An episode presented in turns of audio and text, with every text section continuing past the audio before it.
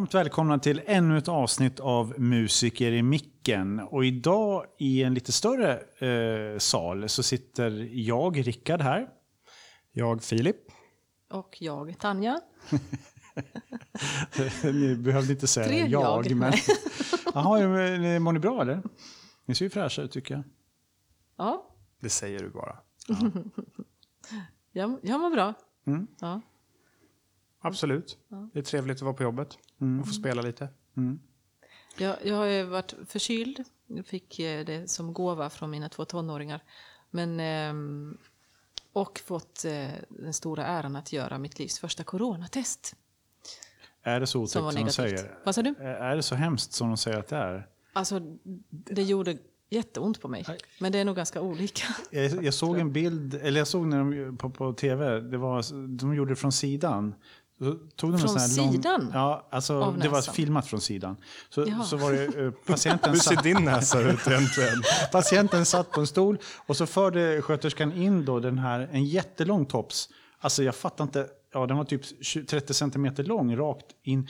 Och ni vet, ja, det såg ut som när man bara försvann upp i hjärnan alltså. Ja.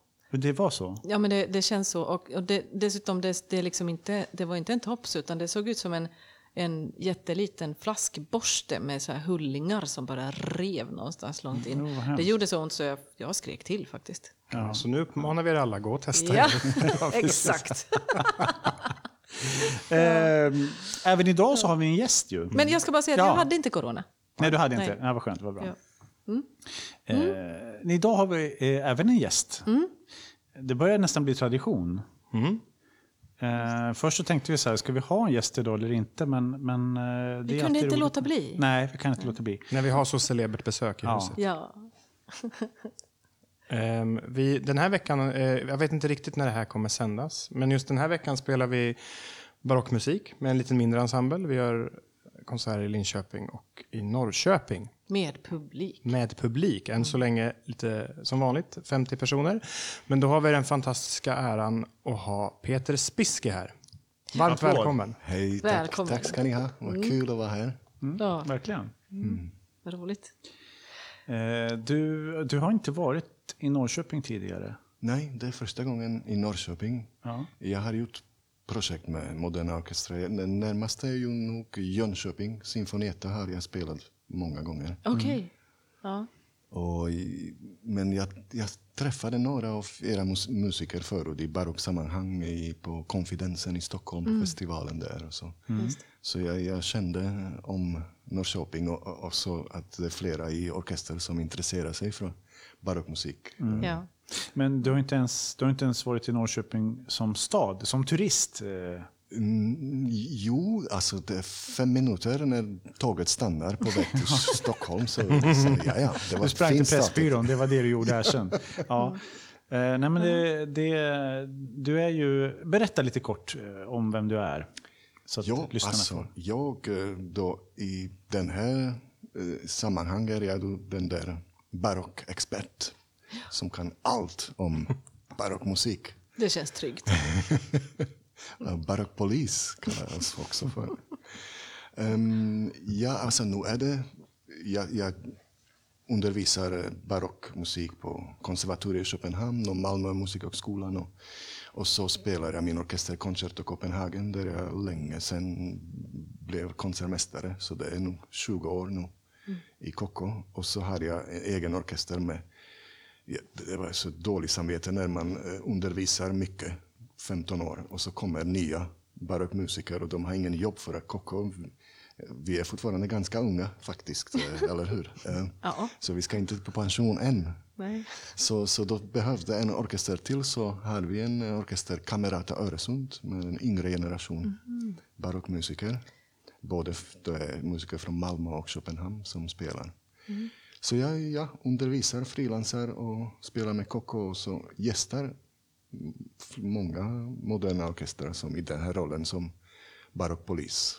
Ja. Men du bor i Danmark? Jag bor i Köpenhamn. Jag har studerat i Malmö. Jag kom från eh, Slovakien. Och s- jag kom och studera till Malmö. Eh, Det var barockkurs som de öppnade. Jag träffade någon i Ystad på någon kurs och så de vill du komma och studera i Mal- till Malmö. Och då var, då var det precis efter en revolution i Tjeckoslovakien. Mm. Så vi alla ville ut och studera. Och, och i Lon London eh, hade jag inte råd med. Mm. Och Tyskland, det var omöjligt med byråkrati och alla papper de ville ha. Men Sverige var jättebra. De, de, ville, de bara kom och studera. Trevligt. Fick jag stämpel att jag studerar. Jättebra. Och Malmö har väl ändå en barocklinje? Den De hade korridoren med den här jättestora flöjten på väggen. Ett modernt konstverk. Alltså, på, på min tid så kom jag och så skulle studera barockinterpretation. Men jag, jag kom i september, första september. Och så eh, administration, de som eh, sa att du ska bara komma och studera, tittade på mig och, med så här ögonen. Åh nej. För att precis då hade slutat vara barock. Det var någon som slutade undervisa där. Det var Gunnar Klingfors tror jag var, var där. Och han slutade och de har inte hunnit få någon ny som skulle Och de meddelade inte dig heller? Nej. Nej. Så jag, ja, men okej, vad ska jag göra? Men du, du- får studera modern fiol med rysk lärare. Okej, så då gjorde jag det. Oj. Och så kom jag också på, på diplom på modern fiol istället och eh, spelade Prokofjev-konsert med MSO istället. Så de första åren var modern. Och det var jättebra. Alexander Fischer var fantastisk. Eh, Och så kom det några från, eh, från Bremen och började undervisa barockkursen igen. Så jag började igen ta, ta upp barockfiolen. Men min, för Alexander fick inte veta. Han skulle döda mig. Men så blev det. Jag hade hans eh, eh, fru som pianolärare i massa Ja. år. Kira. Kira, ja. Hon pendlade till Stockholm eh, två dagar i veckan och undervisade. Ja, Hon var fantastisk. Jag, jag kommer ihåg lektionen när jag, i Tchaikovsky konsert. Ni när ni pauser, när hon har pauser, när den där skalan. Pam, pam, pam. Så i den där pausen hon visste precis hur mycket tid hon har så hon kunde göra sitt frisyr lite och så pam, pam. så hon, Ale- Alexander sa en gång, eh, Petja, eh, когда ты будешь в оркестре, eh, när du, ska, när du ska spela så orkestern något med hur jag ska spela och Kira bara så här c- cynisk, du menar in i orkester. så här rysk humor, det var eh, väldigt... Men Ja, känns, jag, jag hade också en fiolare som, som, eller jag har haft fler fiolare tror jag, som inte gillade att jag spelade barockfiol också. Jag hade det som biinstrument på, på Akis. Men det var inte så populärt. Men Hos varför, alla. varför jag, jag fattar inte. Alltså, denna, jag förstår att violinister, sitter jag här, tre stycken violinister, sex par fiolögon som tittar på mig nu. Men det blixtrar. i, i, i trumpetvärlden, det är nästan, så, den större delen av trumpetarna idag lär sig spela naturtrumpet också. Och även om man inte spelar naturtrumpet så är man väldigt, försöker man lära sig olika stilar. Men det känns som att just fiol, och det finns en så här Nej, nu ska du Ja. spela med stort vibrato vad du än gör. Att, det är väl bättre att kunna fler språk? Ja, men det är ju annorlunda, annorlunda nu. Ja, men nu var- är det ja. annorlunda. Det är ju länge sedan som jag gick på Akis. Jag gick där på 90-talet. Och, men det var ju också så att jag har haft lärare som, som har haft ett ideal som Henrik Scherings Bach-inspelningar som är det rätta. Den rätt, det rätta sättet att spela Bach. Och, och när man då kommer och eh, börjar prata om att spela på C-strängar så det, jag tror att det här med C-strängar kanske också upplevs som en varför börja spela på sämre strängar när, när, när strängen har utvecklats under åren. Liksom. Men då fick man väl tillgodogöra sig det själv på något sätt. Om man inte kunde få det via skolan. Jo, men jag fick ju det via skolan. Jag Ja, hade fick det som det. biinstrument. Ja, Jag gick för, för en barockfiollärare också. Men, men det var inte så populärt hos de moderna. Men, men ofta så skulle jag vilja säga att det finns, när man är eh, ung eller när man är student, så, så passerar man en, en, en tid åtminstone när man, är- där man är intresserad av barockmusik. Det är många som ändå är det. Och sen så kanske man tillgodogör sig en del. En del blir en, grottar in sig ännu mer och blir liksom mer experter medan andra går vidare. Men att man gör det, det, det bör man ju ha gjort. Man bör ha Ja. gått igenom själva Man bör förstå, man bör förstå vad det. det handlar om. Eh, Verkligen. Men jag skulle vilja kontra, det lite grann samma med modern musik. Det du sa mm, liksom med modern fiol och sådär. För att när det gäller nu- nutida musik så eh, det är ju inte helt lätt att lära sig heller att spela. Alltså, det, finns, det är så mycket saker i den nyskrivna musiken för, för instrument. Så det behöver man också liksom en utbildning på hur man ska läsa den nyskrivna musiken. Så att det, det, det finns flera sidor av det så att säga. Jag var i Wien, det har jag sagt någon gång tror jag, och spelade med Klangforum som är riktigt bra nutida ensemble. Och de hade Var finns den? i Wien. I Wien? Och de hade, alltså de är ganska, de, eh, otroligt hög nivå. Det var så sjukt att se eh, när man skulle spela ett verk, alltså kvart, kvartstoner var som vilken skala som helst. Så det kan, nu pratar jag ur min lilla eh, trygga låda här, bubbla. Eh, när vi pratar cent, då började vi prata hur det var lite svårt. Hornisterna hade dubbel trippelhorner, de hade dragit ut alla olika saker så de kunde spela tempereringar på helt sjuka sätt. De, de Ja, gjorde en, alltid musik, en gammal musikfestival där de bara spelade musik från 70-talet. Så det var lite så de... Ja. Jag måste det. förklara för, för icke-musikerlyssnare, som vi säkert har hur många som helst, att kvartstoner, det är typ de tonerna som är mittemellan tangenterna i ett, på ett piano. Toner som inte brukar spelas så väldigt ofta som man ska hitta med sina öron. Men ibland när vi spelar nutida musik här och det står inskrivna kvartstoner, då tar man ju tonen som är närmast och så bara... eh, går man, och så hoppas man att det är rätt. Att det är mittemellan. Vilket är ganska respektlöst mot... Men det kan vara ju samma sak lite med, med just barockmusik. Du, Peter, har ändå varit runt lite i symfoniorkester eller där folk inte spelar så mycket barock. Är det inte liksom, ja men nu är det så här, vi drillar, vi lägger till massor med toner och så rör vi lite på oss och så tror vi att vi... Ja, ja precis. Ja, men det, var, det var det som är annorlunda för att när jag, jag skulle studera barock, hur, hur barockinterpretation förmedlades var precis att det där att vad ska man inte göra i relation till modern? In, inte vibrera, kortare, snabbare, En drill. jag drill från uppifrån. Men varför? Det var liksom, jag, jag lärde mig barockmusik så där, så här. Att de sa hur det ska låta. Och till slut jag fick jobb i Bratislava, var det, under Slovakisk filharmoni fanns det barockorkester. Jaha, okej. Och jag, jag, jag hatade det för att jag hade min ryska skola. Och, men eh, det var populärt att spela mm, kammarorkestrar så jag ville, det var jobb, fulltidsjobb. så vad gör man inte för pengar? Så spelade jag lite utan vibrato och trillade uppifrån och lite snabbare och kortare, vad som helst, bara vad de sa. Okej. Och jag kunde det. Jag liksom gjorde provspelning och jag, jag var pro professionell barockmusiker. Men det var som om, om ni lär er språk, tyska, perfekt eh, uttal, men fattar inte, inte- ett ord vad ni säger. Så jag, jag bara lärde mig som det låter som barock. Och det var det som var lite problem med hur, varför moderna lärare eller orkestrar var lite tveksamma mot det här. Varför, ja, för att det är historiskt rätt att spela kortare och det där. Det ska låta barock. Men när, när man plötsligt började spela med sångare, kom dansare. Och när den där artikulation kom, det, det, när det kommer från dans och språk. Och man imiterar texten och mm hur liksom olika sätt och kort är inte bara kort. Hur, liksom, hur är gestiken i det? Hur, plötsligt när man egentligen, jag köpte bara eh, vokabulär och började lära mig vad jag sa. Aha!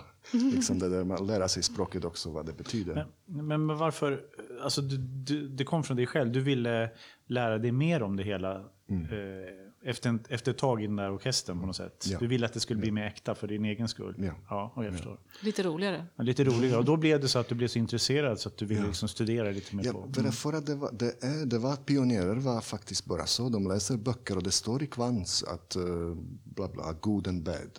Och dissonanser, långa toner ska ha shape. Och då, då blev det så groteska.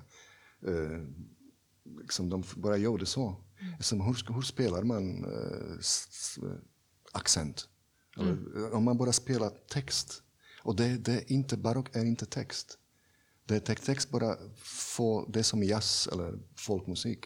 Men man är bara en sketch om man direkt ska koppla vad, vad intentionen är, vilken slags dans det är.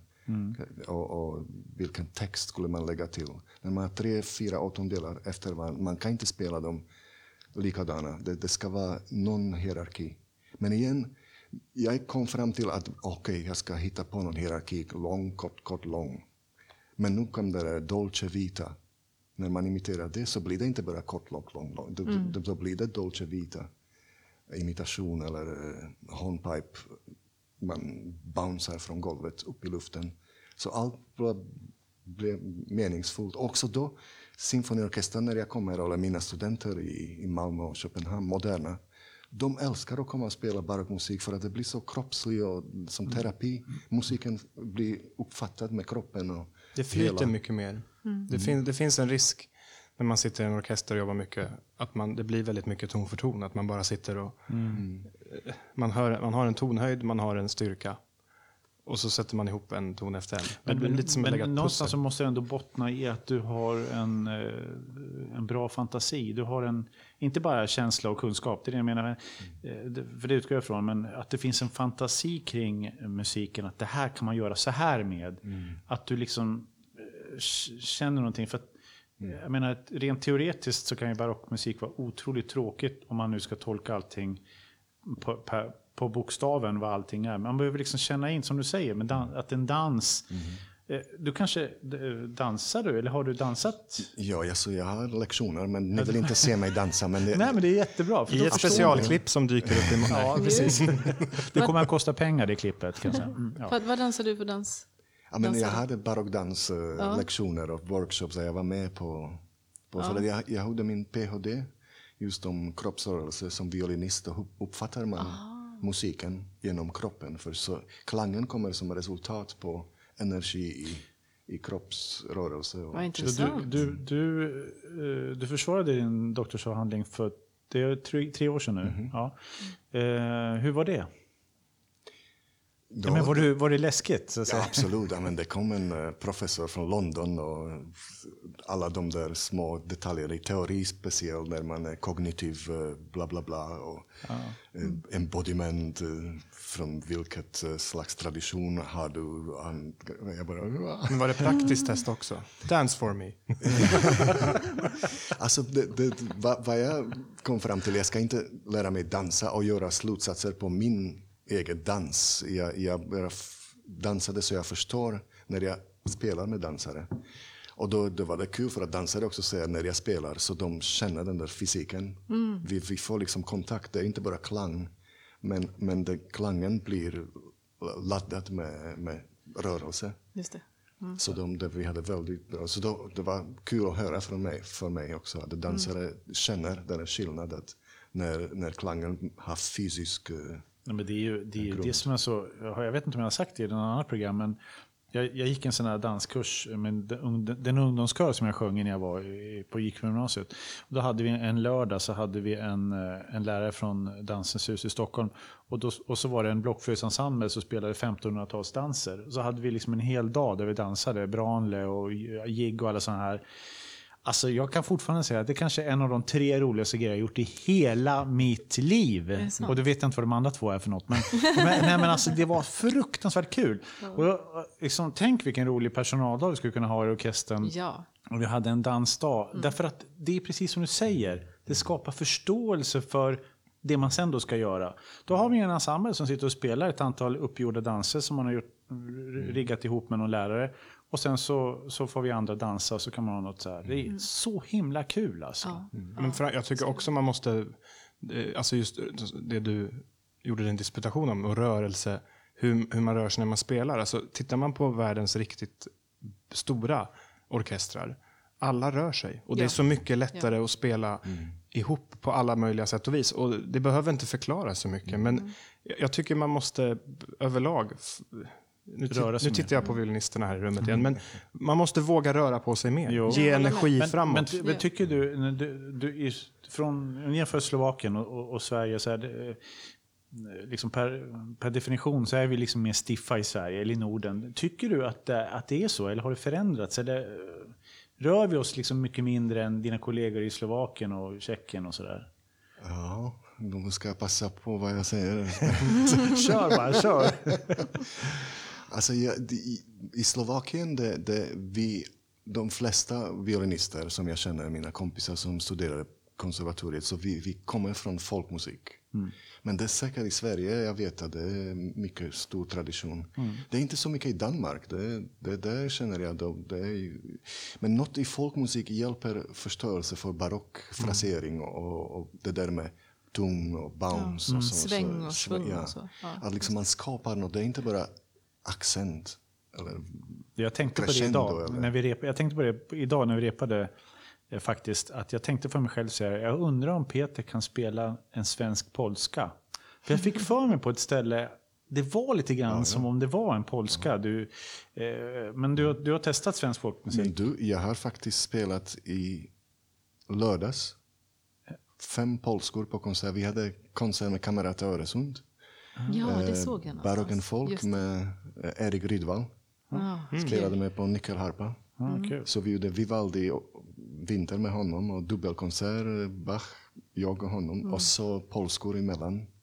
Och han ska, så att det passade, för han var liksom också för att den kamrater som mina studenter, de hade den där skolan. Just det. Och han, Erik, det var kul också igen att höra folkmusiker som säger "Ah, det bara svänger och det är så språk liksom så tydlig och, och det är inte liksom man ska följa dirigent eller vara ihop som metronomisk. Men det rör sig liksom väldigt eh, plastiskt och eh, spontant. Det är ett sånt fantastiskt instrument, nyckelharpa. Ja, det det går att använda till mycket. Nej, jag- Vi hade ju för några veckor sedan, hade, när vi, hade ju Anka Blom här som var här och dirigerade. Vi gjorde ett program med, med väldigt mycket svensk folkmusik arrangerat för stor orkester tillsammans med en spelman, Jörgen Antonsson. Och ett av verken i det här programmet var ju en väldigt tydlig Bach-pastisch. Och det funkade Det hur bra som helst. Och han är verkligen folkmusiker. Och det, fu- alltså det, Men jag, bör- jag bollar så tillbaka till dig Filip, just det här med, om det här med att vi rör oss i Sverige eller inte. Det verkar som du, du har en uppfattning om det, eller? Eh, Men, Jag har en uppfattning om allting. Ja, ja, det men- betyder inte att det är rätt. men tycker du att vi rör oss för lite? Ja, jag tycker det. Och Men och jag ty- tycker också det. Och jag tycker, Ja, jag tycker alltså, vi också det egentligen. Vi är också, alltså, en orkester är ju, oavsett vad för typ av orkester, det byts ju bara ut en person eller två i taget. Så om det finns ett sätt att spela på, eftersom hela yrket går ut på att vara väldigt öppen och reagera på vad som händer. Följsam. Ja, om du är en person, jag har sett vissa personer som börjar orkestern, rör sig jättemycket och sen efter ett halvår, ett år, så sitter de ganska stela. Och, och det det, kanske- behövs, alla måste våga med, ta tag i med det. dirigenten som kommer att göra att det, varje gång det kommer en dirigent så det, att den personen behöver eh, energi, liksom föra ut en typ av energi. Också dirigenten, eh, att inte dirigenten kommer att sätta sig på sin stol och så Beethoven from beginning, så, utan att, att den kommer, hej allihopa, idag ska vi göra Beethoven, yeah! Alltså att det blir, då kanske man vaknar till lite grann. Fast det borde vara tvärtom. Det borde, dirigenten ska inte behöva stå och säga till orkestern rör på er, spela mer. Dirigenten Eller, eller borde, mata oss med dirigenten borde hela, få för mycket och försöka på något sätt Mm. hitta Då, då är det formen. helt enkelt ordningsmannens roll att säga innan dirigenten kommer in. Nu skärper ni er. Rör Idag på ska vi er." röra på oss. Rickard, kör! Du som är ordningsperson orkestern. Jag skulle få Ja. onda i ögat av några kanske. Jag vet inte. Men. Men får jag fråga dig Peter, du som har ehm, eh, elever, har, har, eh, har du använt dem som försökskaniner i din forskning om rörelse? Ja, faktiskt. Det, ja, det, de är på många mina workshops och video. Jag har, det, det, det finns online. Det, Ja, så det är massor med video. Mm. och analyser på rörelse för att det är förstås eh, man ska röra sig på bra sätt. Det, det, är liksom, det är inte, ofta är, de tror att jag älskar rörelse så de, de börjar liksom eh, hoppa runt och, som inte passar till. För att det var också när man ser och analyserar sina egna eh, rörelser och man ibland ser att oj, nej, den, de rörelser ser bra ut, men det låter inte. Nej, det, det det blir inte ihop. sväng, det blir ingen ge- gestik i klangen. Så hela PHD var faktiskt, hur, kom, hur får man den där rörelsen i kroppen in i instrumentet så det också låter eh, fysisk och gestisk. Så det var inte bara visuellt. Så, nej. och det var in- intressanta moment när jag, jag visste att nu, nu, det här, om jag gör sån rörelse, det, det, det ska se fint ut men det kommer inte. Så jag ska bara koncentrera mig att få lite mindre rörelser in i instrument och låta det. Och jag var lite rädd för att då, nu, nu blir det säkert inte som jag tänkte.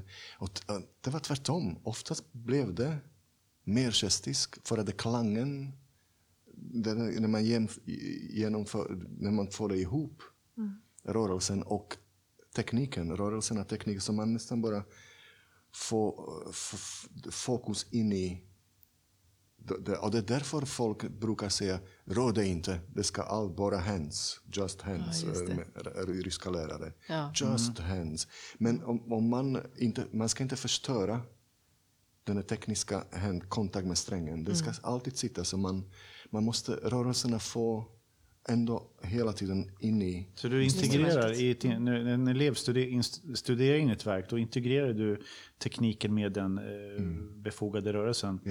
Eh, Du, du kräver inte att eleven ska kunna sitt stycke tekniskt först perfekt och sen så börjar ni applicera någon typ av... Nej, det utan måste det, är, vara det är en process. samtidigt. Precis, för att då, om man lär sig först bara den där så är det svårt att... Så det ska integreras från, från, från början. Och det är ofta om det wow, det, det såg fantastiskt ut, men jag hör ingenting. Så det, liksom Okej. man hittar... Men, Det- men jag, då måste jag ändå slänga ut en provocerande fråga här. Vad är det så, som är så bra då att man rör sig? Varför ska man röra sig? Men det är såklart, du måste, alltså vadå, tänk dig om du satt och tittade på en friidrottstävling. Och så är alla stel, man måste ju hela tiden använda kroppen så att man maximerar det man försöker göra. Jag tror det, handl- jag tror det är en generationsfråga. Tittar man på eh, Heifetz, Gittlis, Milstein och hela gänget förr i tiden. Det var väldigt mycket att man skulle vara väldigt stel. Men nu, titta på Janine Jansen eller vad heter hon, Patricia Kopinska eller vad hon heter. Alltså folk rör sig mycket mer. Men jag tror Det också att men det rörelsen i en orkester det är ju också kommunikation mellan musikerna. Om, om alla kommunicerar sin frasering till de andra då, då kom, och alla är följsamma, då kommer till slut alla när man rör sig på samma sätt också frasera på samma sätt och det kommer, det kommer att låta mer ihop och det kommer att låta mer homogent och det kommer att låta det, det är liksom svårare att vara på något, jag, ja, det är bara min lilla teori, men jag tror att det är svårare att vara helt off om alla rör sig. För att då, då ser man dessutom att oj, nu gungar det till, vi, är inte, vi tänker inte likadant, vi, vi fraserar inte likadant, vi har inte samma känsla. Och så. Och det behöver Och, inte om vara alla sitter heller. still, då, då, är det liksom, då, då kan man inte läsa av varandra. Nej, men man det intressanta vore om, om man tvingades, om alla, nu, ska, nu ska vi sitta helt spikstilla Mm. i tio minuter och spela. Man skulle få panik. Jag Men- har, men det jag har gjort ett sånt träning. experiment också. Ja, ja, Och bara lyssna och, och blunda och bara lyssna Ja. och spela. Eh, det är också spännande, men jag tror ju inte på det. I, men, men, vad säger experten då Ja, till den här frågan?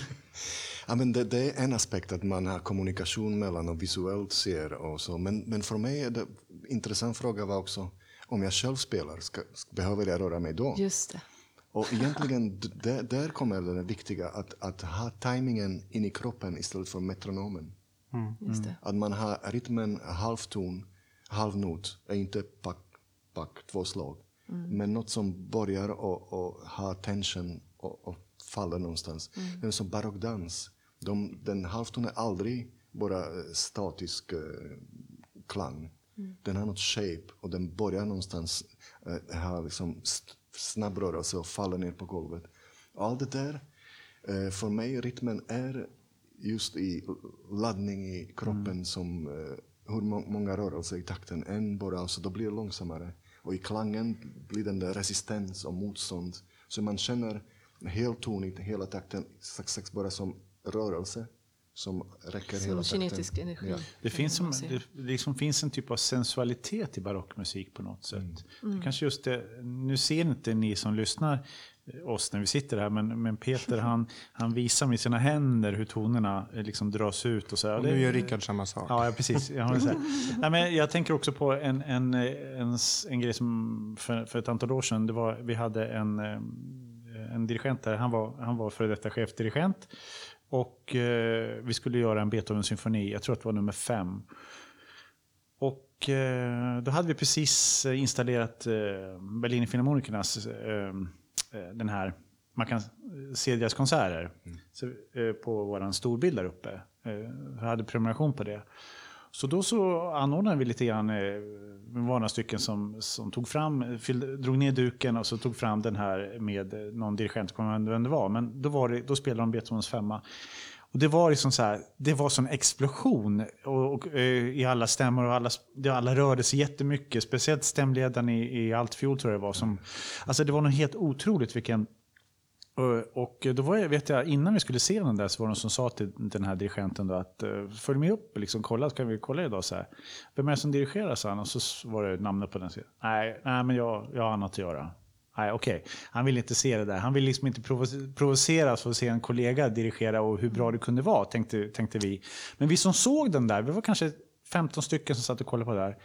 Alltså, det gav en sån kick att se dem sitta där och köra järnet. Alltså. Så att repetitionen dagen efter, ska jag säga att det var bara som en viss procent av orkestern åtminstone, som en vitamininjektion. För att man ville liksom... Men det räcker ju, för det sprider Det sig. räcker, ja visst. Men Men, man måste- se andra också De rör det. ju sig naturligt. Alltså det, det handlar ju inte om att röra sig för rörelsens skull. Utan man måste bara vara avslappnad och känna att man spelar med kroppen och är tydlig i det man gör. Det blir ju lättare. Tänk om en, du ser en professionell golfare som ska slå ut ett jättelångt, jag kan ingenting om golf, men slå ut ett jättelångt kast och så upp med Slagkast. armen, slag, ja, ja whatever.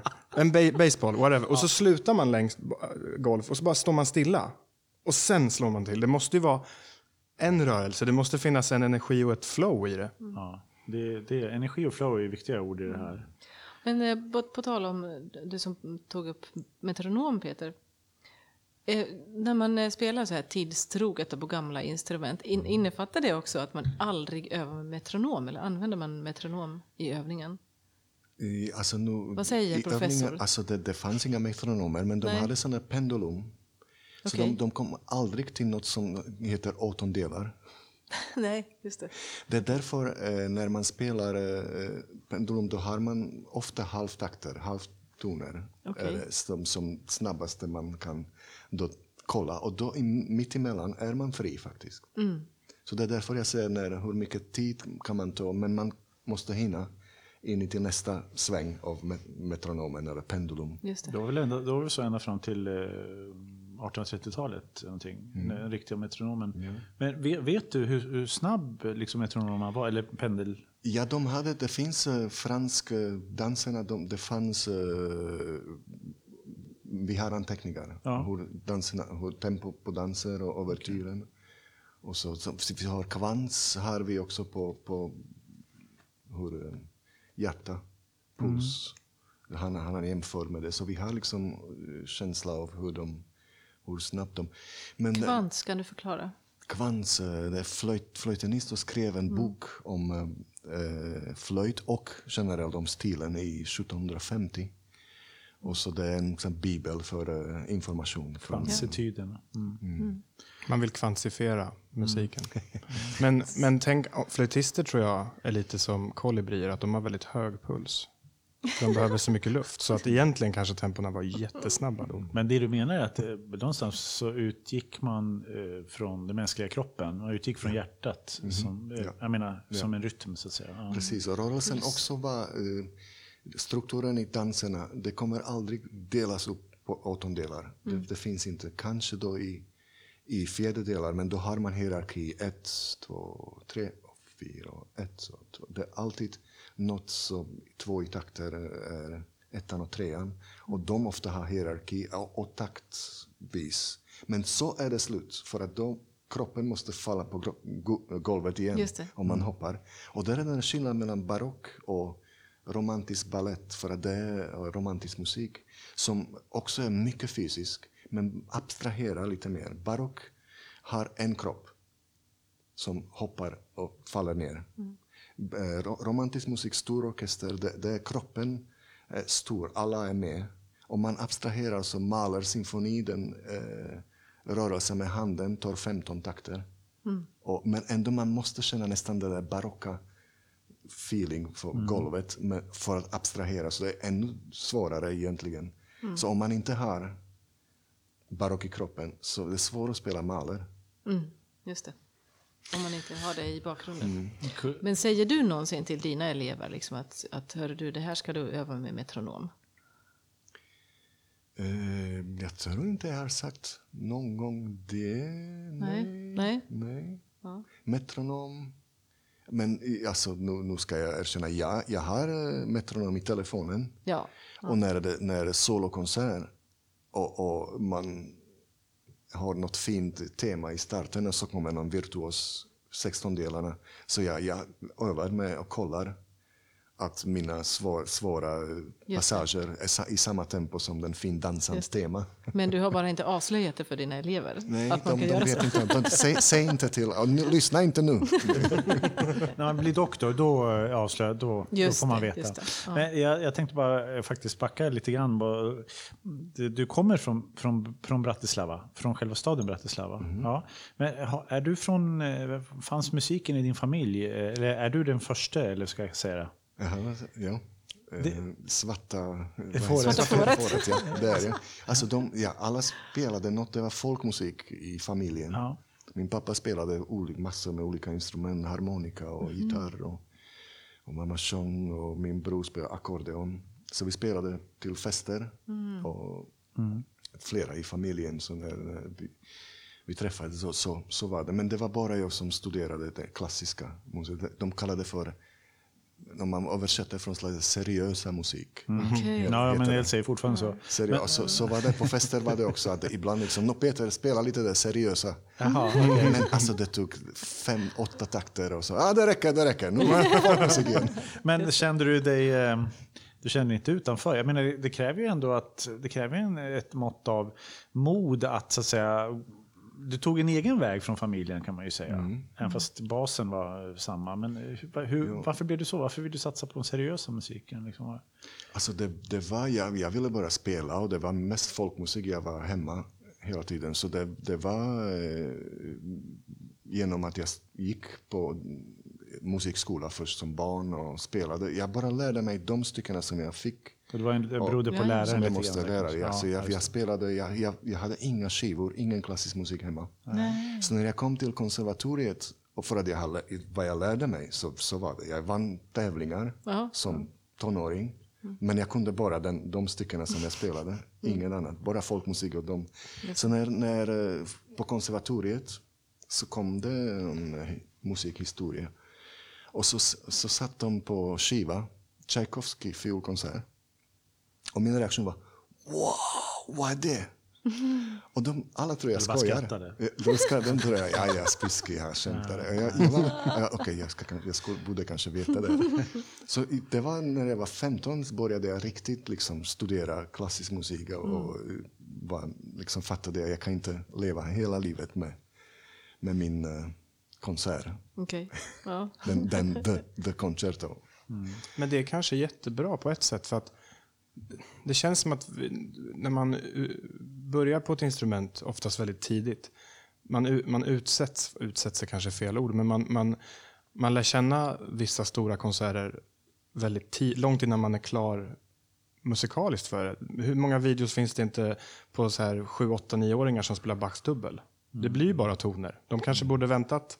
Det kanske är bättre att höra Tchaikovsky för första gången när man är 15, för den passar ju för en kanske 15-årings hjärna. Den är, det är så det är energi och på alla sätt och vis, men när man fem, när man gör en så här super, eller 7, 8, 9 år, det, det kanske är lite svårt att relatera. Eller så förminskar jag barn nu, jag vet inte. Nej, De är små, men en, Bratislava är i alla fall en väldigt fin stad. Har du varit där? Ja, vi, vi har varit där. Vi spelade där Vi en gång spelade med orkestern. Ja. när var det? Eh, 2000?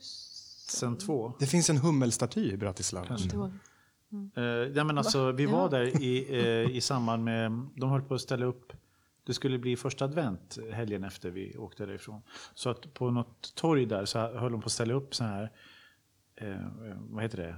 Bås. De ska sälja saker, ni Ja, vet. ja. I, eh, och alla båsen var exakt likadana. Det var liksom, i, I trä.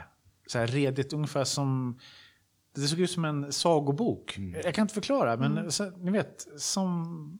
Ja, alla var exakt likadana. Och jag var så himla besviken att vi inte skulle stanna över helgen där, så att man skulle få se alla. De var förmodligen fulla med kakor och, och blommor och allting sånt där. Det var så fantastiskt vackert. En väldigt fin stad i alla fall. Eh, och... Eh, Vad de har fint de har renoverat, eh, är det Filharmonin? Ja. För jag var, jag var där för, alltså, vad kan det ha varit, sex år sedan och spelade med Radions orkester. Och då repade vi i Roslas. Som är alltså verkligen Sveriges, så här, verkligen samma stil som Sveriges Radio, så här 60-tal. Stalinistiskt, r- eh, rostigt och rustigt hus. Min loge luktade cigarettrök och var beige och det var så här droppade vatten från ett hål i taket. Där repade vi. Yes. Orkestern repade 12 timmar om dagen, åtta dagar i veckan nästan. Och sen kommer man till den nyrenoverade filharmonin med någon norsk oljeguru som har pumpat in. Och så var det bara guld överallt. Det var, det var så en otrolig kontrast Oj. På, på en kvarts promenad. Liksom. Jag, jag, måste, jag är lite dålig på eh, Tjeckoslovakiens historia. När var revolutionen? Vilket år var det? Det var eh, ett år efter jag lämnade. Så Jaha. jag skulle inte, det var mitt fel då. Jag, de splittrade hela. Ja, vad skulle jag göra? Ja, men det, det var 93 93? som ja. de... Okej. Och, ja. Men det gick eh, jättebra att dela. Det var inte något problem. Det var som Nej. tur var. Ja. Jag, jag, jag, har hört, som- jag har hört att eh, Slovakien är det land som det bor minst svenskar i. Ja. Av alla europeiska länder. Oj. Och bara för, kanske för fem år sedan, så ni kanske inte tror på mig när jag säger att det bodde typ 40, person, 40 svenskar bodde i Slovakien. Okej. Och det är inte alls, ja, alltså de flesta är tydligen kopplade till, um, kopplade till företag och sånt. Men det, det är väldigt få som bor där, så att säga. Som i Bratislava och sådär, kan jag tänka mig. Utan de bor, de bor på andra ställen, men inte i Slovakien. Men sen ligger ju, alltså Wien och. Bratislava är väl de två huvudstäderna i världen som ligger närmast varandra. Mm. Det är ju extremt Jo. eh, kopplat. Mm. Så de kanske känner sig mer hemma i Men har inte, österrikiska svenskar har inte liksom, finns det liksom ingen industri som vi är in- involverade i som... Varför, varför bor så få där? Peter, svara på det här. Ja, svara. Tala för ditt folk. Det var därför vi bjöd in dig egentligen. Nu, ja, det var det. Nej, men jag förstår inte riktigt Ja, varför. men det var- ja. fint, fint land. Men det är ett tips, när, ni, när man väl får resa igen Ja. så rekommenderar jag varmt en att flyga till Wien och ta tåget eller bussen den korta biten till Bratislava. Väldigt, väldigt fin stad. Ja, jätte, jättefint. Eller så kan man ta tåget hela vägen dit. Kanske. Eller så Ja, kan man, man har tid kan man man, kan ju fly, man kan ju åka till Bratislava, sen kan man ju ta färjan till, Donau, till Wien på Donau som tar två timmar. Då kan man ju göra en kombo där. Okej. Eh, Ja, nu, nu har vi turistbranschen här. Detta avsnitt är sponsrat av... Men jag tänker på, eh, alltså, när det kommer till Tjeckoslovakien, den delen av Europa har väl en enorm tradition när det kommer till barockmusik. Alltså, det är väldigt mycket fokus nu för tiden på Tyskland och lite Frankrike, kanske lite England. Men det fanns ju fantastiska, mycket i Prag kanske specifikt, i, alltså tonsättare. Jag satte på ett... Ja, okej, jag trodde du menade orkestrar nu. Ja, jag Nej, jag tänkte, det. jag menade musik, komponerad. Ja, ja absolut. Det Ja, finns- Zelenka och Ja. var fantastisk. Och ja, och det, men de, de var också flyttade till Tyskland, eh, många. Men det var Kromierzys eh, slott med Bieber och Just det. eh, musik. Och det, så det var massor. Eh, Alltså Zelenka är ju som barockmusik på steroider. Det är så otroligt cool, cool musik. Och, och Mozart hade ju sin bästa publik i Prag, för, ut, utanför Österrike. Det var hans favoritställe. Så att, eh, liksom allt han gjorde det blev ju väldigt... De, de älskade det. Så att, Men på tal om något helt annat. Gillar du att laga mat, Peter? ehm, och, och. Inte? Förlåt eh, min fru om du lyssnar. Jag, jag, Nej, men, jag funderar jag- på slovakisk mat. Är det, är det något som, som du liksom gör Ja, eller, nej, jag äter i älskar Danmark? det. Jag äter och ja, jag, jag är väldigt så, konventionell så jag letar efter tjeckiska restauranger bara eh, i Ah, Stockholm. Så jag, förstås, jag är väldigt konservativ med Ja. tjeckisk öl och slovakisk mat och det är schnitzel och det är Mm. kött. Men vi har problem, eh, killar i, i, i alla fall i min ålder, Mhm. för att vi har mammor som gör allt för oss. så, så min fru säger, Va? men din mamma har, nej hon har bara lagat mat. Och vi har bara ätit, jag visste inte, hade vi kök? kök? Det hade vi säkert. så ja, vi har inte lärt så mycket, så jag kan inte Nej. riktigt laga. Men jag försöker lära mig med mina vad- barn och min, så, tillsammans. Så jag försöker visa att jag är intresserad. Ja, just det. för tiden. Men vad, vilken maträtt eh, tycker du är godast ur det slovakiska köket? Vad skulle du rekommendera? Ehm, Finns det någon enskild maträtt eller någon, någon Alltså grej? den, det finns eh, det är mycket kött och Ja, nu är jag vegetarian då, Ja. men- men det finns ett rätt som heter halushki. Halushki? Mm. Det är sån där pastaaktig rätt eh, från potatis. Och man, ja, jag vet inte hur man gör det, jag bara ser det på tal. Ja, ja, ja. Men problemet är när jag bjuder på den någonstans, eh, det är bara slovaker som gillar den. Jaha. Ja. Men jag måste ändå prova den. Jag om jag Det, det är konstigt. Alltså min fru faktiskt, eh, Pernilla, har, Ja. tycker om det. Ja. Men Är hon hennes svensk? föräldrar, hon är dansk. dansk. Men hennes föräldrar kunde inte. De, de var snälla och så Ta långsamma. och mer. Ta mer. Vad konstigt att du inte det- äter. Ja, De vill ha fläsksvål. ja. Fläskesteg. Men eh, det, det råkar faktiskt vara så att det är potatisens dag idag. Är det sant? Ja, så jag, tänk, jag tänker liksom att, att eh, potatis är ju sån där, eh, cent- centraleuropeiska köket eh, använder ju jättemycket potatis. Mm. Eh, och det finns ju jättemycket, det är en fantastisk eh, rotsak. Det Vi är också sponsrade av... Magnum bonum. Men, Nej, får, men, eh, får, det- får jag berätta en, Ja. en, en fånig sak? Vi- jag flyttade med min familj i, i sista veckan i maj och eh, till en lägenhet som har en 10 meter lång balkong och eftersom man ändå inte kunde åka, jag kunde inte åka till min familj i Finland, eller vi, nu på grund av corona, alla karantänkraven och sånt, så, så har vi odlat lite saker på balkongen. Bland annat så, så mm, stoppade vi ner, eller mina tonåringar fick stoppa ner en varsin potatis i en stor kruka på balkongen. Och, men det, de, det, liksom, det blev jättemycket blast, och bara, bara blast och blast och inga blommor. Och så tänkte vi liksom att ja, men det är ju inga potatisar där. Så skulle vi bara ta bort de där blasterna. Det var jättemycket potatisar. Det blev, det blev en måltid för fyra personer eh, med, av de här potatisarna. Jättegoda! Och det var alltså helt vanliga ekologiska potatisar eh, som jag köpte på, på, i närmaste mataffär och inte några inte- just det. Det tyckte jag var jätteroligt. Jag ville bara dela med mig av det här. Att det går jättebra att odla potatis i kruka på balkongen också. Så kan man göra sin haluski. Haluski. Ja. haluski. Nej, men jag, jag, själv tycker jättemycket om eh, centraleuropeiska köket. Det finns ju mycket god mat där. Och som du själv säger, eh, gärna en, en god öl till som matchar där också. Mm. Så att det är ju... Men eh, det finns det några bra restauranger i Köpenhamn som eh, med slovakisk-tjeckisk mat? Det har varit en, men den försvann. Så jag, jag är alltid glad alla gigs i Göteborg, på Gyllene Prag eller Stockholm. Schweik. Schweik. Schweik, Ja, det är så. Mm. Chewapin där är fantastisk. Och de har så mycket öl på fat som är helt så här knäppa och ofiltrerade. Det finns en pytteliten tjeckisk restaurang i Norrköping. Men, jag, men jag har inte varit där. Jag bor nästan granne med den. Ja, just det. Den var tydligen, har jag förstått det som, förr i tiden väldigt aktivt lunchställe med mycket tjeckisk mat. Och nu har det väl kanske blivit lite mer, Öl. eh, nej, mer Nej. att det är lite blandad mat. Men jag kan ha fel. Vi får kolla upp det här. Du är här några dagar, du kanske hinner. Ja, Ja, precis. absolut. Jag, Men, jag, ska, jag ska men, eh, guida dig dit. Det är ju liksom annars så... Vill du någon gång liksom göra något annat så är liksom Spiskis. Det är skitbra namn på restaurang. Ja, Spiskis. Nej, vi drar till Spiskis. Spiskis Ja, spis! Spiskis. Ja. Och han lagar inte mat, var inte rädda. Nej, nej, du kan ju äga restaurangen. Någon andra, Ja. andra kan ju laga det. Så är det ju alltid. Du kan sälja din egen spiskummin. Det upp- Ska det vara ett trum? Vi har en knapp som det Ja, blir trumset. Ja. Är den där? Ja. Men, eh, men i alla fall, bara till, tillbaka lite grann till, till barockmusiken. Tänker jag, ehm, eh, hur tycker du, ser du, ser du en framtid för barockmusiken rent eh, utvecklingsmässigt?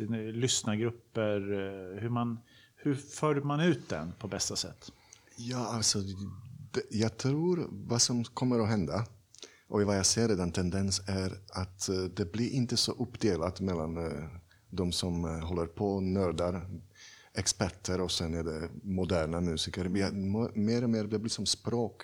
Jag undervisar nu projekt med tonåringar innan de ska på konservatoriet. Och vi gör barockmusik med Markus som här, spelar här också på cembalo. Så vi, vi är tillsammans tre musiker från Concerto Copenhagen. Och tänk 12-13-åringar. Jag kan inte eh, imponera dem med kvants. och citera några sidor där. Det går inte. De, de, de köper det eller inte musikaliskt. Och då, det, det fungerar så. Du får blir så- feedback direkt på... Precis. Det där funkar inte. Ja. Men jag blir så glad att, att de, liksom, de ögonen börjar eh, i, i, ljus i ögonen och de, fattar, de gör uh, helt spontant. Och utan det, det handlar om musik och det är språk och så när de, de, de blir som två, trespråkiga musiker som de Oavsett om det blir barockinstrument i deras händer eller de kan spela också. Så, så jag tror att vad också händer på skolorna nu, de, de, vi är inte så uppdelade och jag, jag är lika mycket på den moderna avdelningen och gör projekter och kammarmusik med moderna musiker. Och genom att jag gjort i Ma- Malmö eh, modern diplom så alla de lärare känner mig från MSU eller så de litar på mig. Och de vet att jag, jag ska inte förstöra deras elevers teknik. Men tvärtom, de blir inspirerade, de spelar mycket mer. Ä- Även uh, Tchaikovsky blir något, händer något med Tchaikovsky när de spelar lite barock. Just Och det är inte klanger jag lär dem. De, de, jag, något med kroppen, tajmingen, koppla tekniken till något uh, gestik. Ja, alltså vi sitter ju ner alltid när vi spelar i symfoniorkester och jag vet ju att många barockensembler står upp och spelar. Gör, gör ni också det? Att, alltid. Vi Koko? spelar Messias eh, med Camerata som stående. Ja, Och, eh, det, för klangens skull och för, för rörelsens skull. rörelse, ja precis. Ja. Det, dans, det är svårt att dansa när man sitter ner. Eller? Ja, Vi, ja, här, vi, kan ju, vi kan ju stå upp om du vill. Alltså jag har, Alla jag sex hjuloratoria. jag har, strat, jag har strategi. När jag är i Tallinn kammarorkester eller Jönköping eller det första gången alltid när jag är där. Så första dagen alla sitter och jag ser ingenting. För att det skulle vara för tidigt. Men imorgon vill, vill ni höra att jag försöker provocera lite och uppmana. Kan vi bara, bara den här dans, bara stå upp bara lite grann. ja vad kul. Nu- nu vet vi någonting som ing, ing, de andra inte vet. Alltså. Precis. Vad tycker du om det här Rickard? Nej, men jag, jag, jag jobbade i Camerata Nordica innan jag kom hit och vi stod ju alltid. Jag har inga problem att stå. För jag minns nämligen för något år sedan. Vadå? Nu ska jag outa dig lite här, det var så kul.